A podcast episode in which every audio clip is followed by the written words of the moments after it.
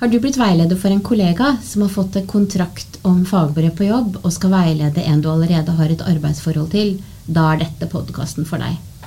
Jeg som snakker nå, heter Tove Hansen, og som vanlig har jeg med meg min kollega Heidi Rygnestad.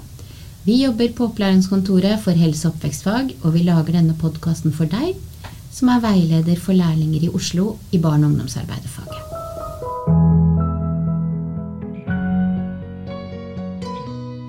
Du er ansatt på opplæringskontoret for å få på plass fagbrev på jobbordningen. Kan du si noe kort om hva det er?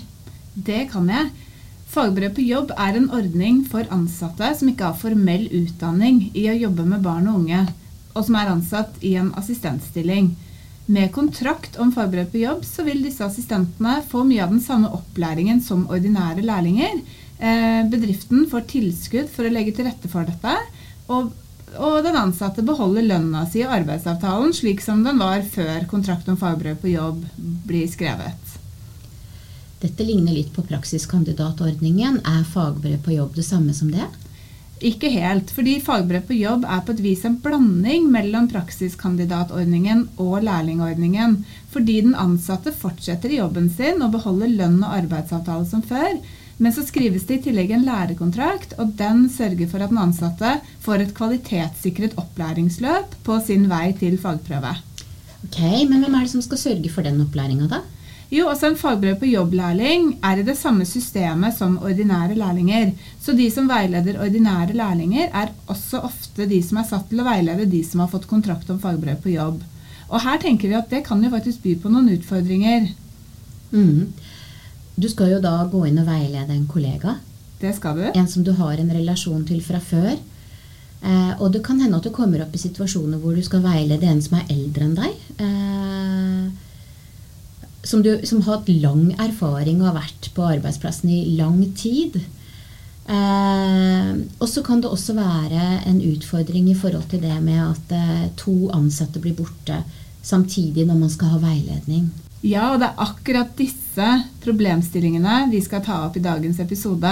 Og jeg har hatt en lang prat med Ida, som er instruktør ved Haugen aktivitetsskole. Og hun har nemlig erfaring nå og har fulgt opp tre av sine ansatte eh, som veileder på deres vei til fagbrevet.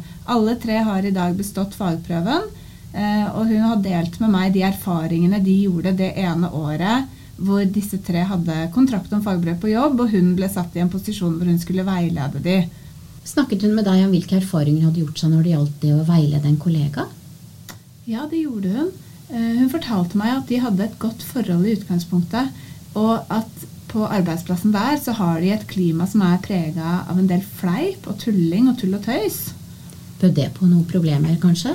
Nei, De gjorde ikke det, for hun sa at det ga et uh, godt grunnlag. Uh, at de var godt kjent med hverandre og, og, kunne da fint veksle over til et mer faglig fokus. Og når de satte seg ned på de formelle veiledningssamtalene, så var det faget som sto i, um, som sto i fokus. Og uh, fleip og tull måtte vike for det.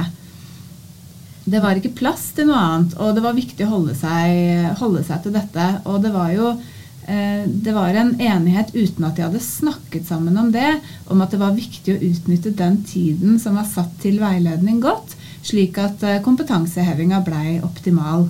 Mm. Hvordan la hun opp veiledningene sine da? Altså Hun satte av tid til veiledning. Da hadde de gjort klar to til tre ting de skulle snakke om. Um, og eh, det var en blanding av innspill fra henne selv, hva som var på tide å ta opp til veiledning, og um, temaer som, um, som fagbrev på jobb-lærlingene ønsket å ta opp selv. Og det, det, å ha en så konkret plan eh, sa hun var lurt, fordi for å rekke overalt så opplevde hun at eh, det var ikke plass til noe annet, og det var viktig å holde seg til planen. Og det syns jo jeg er en kjempeidé. At man ikke kommer til veiledningen og verken veileder eller veisøker vet hva de skal snakke om. Det er kanskje veldig lurt å ha et veiledningsgrunnlag, og særlig når man på en måte kjenner hverandre godt i utgangspunktet.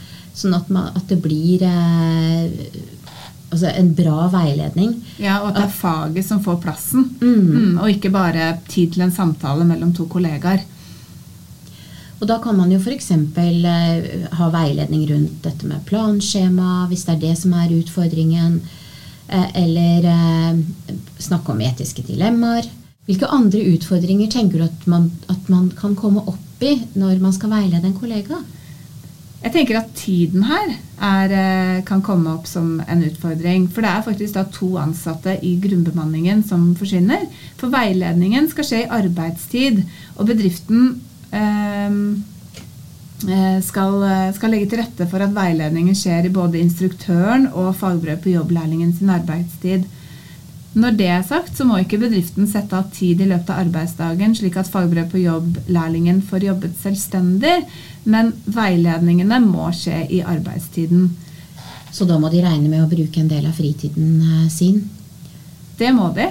Eh, noen bedrifter klarer å legge til rette for arbeidstid i løpet av arbeidsdagen, eh, men ikke alle. Og det, de fleste har ikke muligheten til det.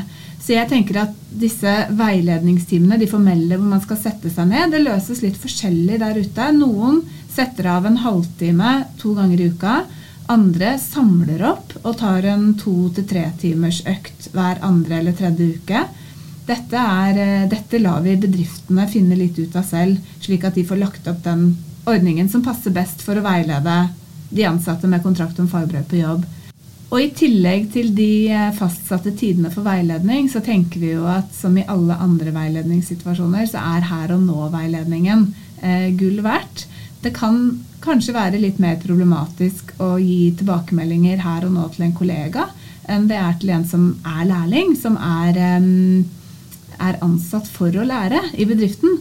Eh, men det igjen henger jo sammen med tilbakemeldingskultur som allerede er på arbeidsplassen. Eh, så dersom dere opplever det som vanskelig å gi tilbakemeldinger her og nå til hverandre, eh, så trenger ikke det nødvendigvis å bety at det er noe med relasjonen mellom fagbrev på jobblærlingen og instruktøren. Så det viktige å tenke på når man har en fagbrev på jobblærling, er klima på arbeidsplassen. Altså tilbakemeldingskulturen og det å kunne gi hverandre både gode og konstruktive tilbakemeldinger. Ja, nettopp. For det er jo det å kunne gi hverandre tilbakemeldinger og det å kunne være i stand til å bytte roller fra kollega til en som skal gi veiledning og tilbakemelding, det handler veldig mye om hvordan klimaet er for det på arbeidsplassen. Da har vi snakket litt om ulike utfordringer man kan møte når man skal veilede en kollega som har tegna kontrakt om fagbrev på jobb, og det skal vi nå forsøke å oppsummere i fire punkter for deg. Mm. Og Det første er å fylle veiledning med faglig innhold slik at det er enklere å holde seg innenfor rammene under veiledningene. Det andre er at dere bruker arbeidstid til veiledning, og at fagbrev på jobblærlingen bruker fritiden sin til selvstendig arbeid. Og Det tredje er at det er du som veileder som er fagpersonen, og det er du som er satt inn i veilederrollen, og det er viktig å ha i bakhodet. Og Det fjerde er at dersom klimaet for tilbakemeldinger er godt, så vil det være enklere for deg å veilede en ansatt, en kollega med kontrakt om fagbrev på jobb. Ja, Tove, da har vi vært igjennom noen av de utfordringene som eh, vi tenker at kan komme opp når man veileder en kollega. Eh, vi skal nå gå videre til veilederhjørnet. Der vil vi høre på Lise og Gro og høre dagens tips fra veilederhjørnet.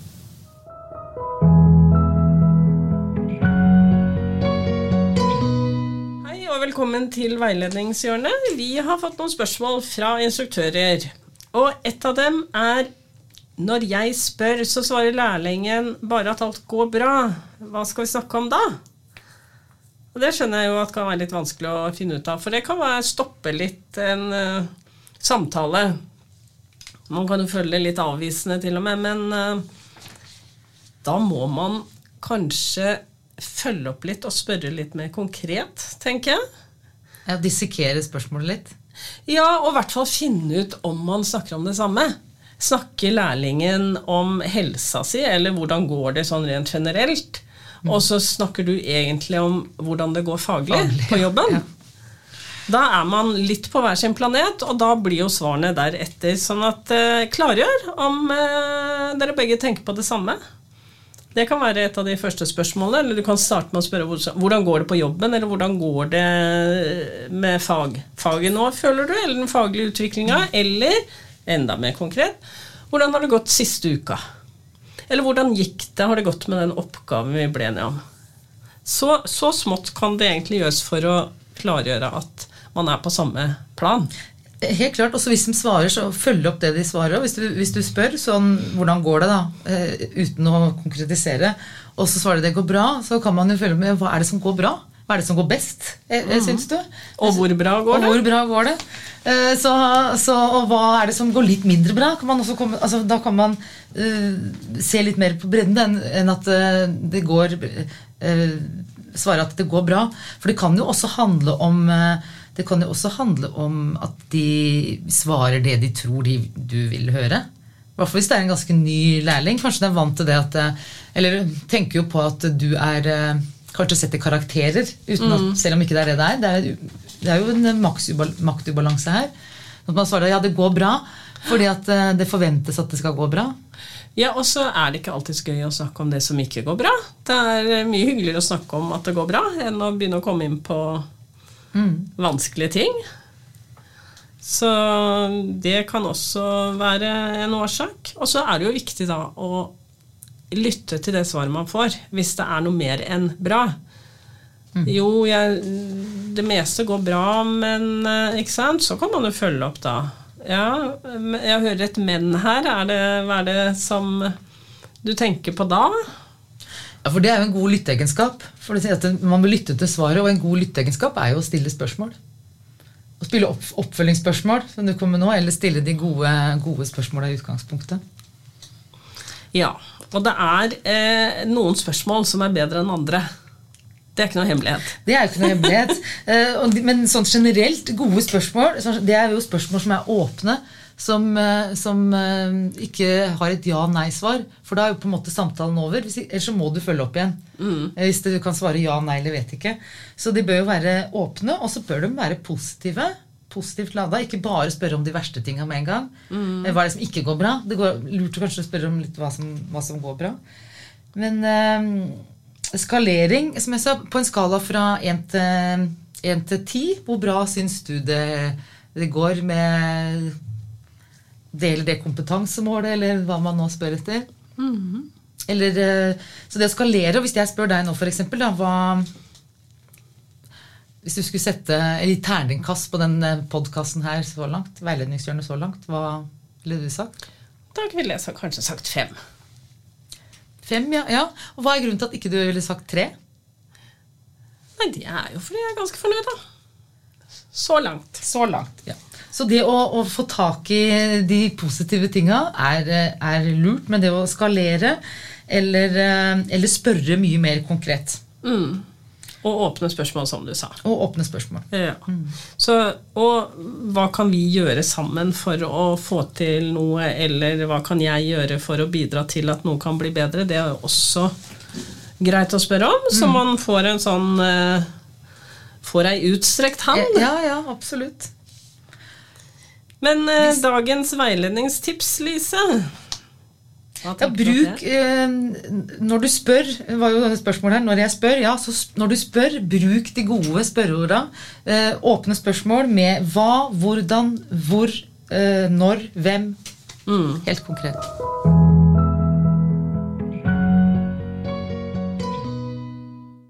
Vi har i dag snakket om å veilede en kollega med kontrakt om fagbrev på jobb. Og det er jo ikke alltid så lett når dere allerede kjenner hverandre fra før og har en relasjon eh, til hverandre før man plutselig kommer i en situasjon man har byttet på roller, og du skal være en fagperson som veileder. I tillegg så skal jo dere finne tid til å formalisere dette her og sette av tid til veiledningssamtaler. Vi håper dagens episode har gitt deg noen eh, konkrete råd til å få til dette. Og husk at du finner støttemateriell til denne episoden i ressurssenteret i OLK. Vi tar gjerne imot alle innspill og spørsmål til podden, og de kan du rette til oss enten på Facebook eller Instagram. Og alltid til e-postadressen vår postmottak.oho alfakrøll sye.oslo.kommune.no. Og som alltid kan du selvfølgelig kontakte både konsulenten din her på opplæringskontoret. Husk at vi alltid er der for dere.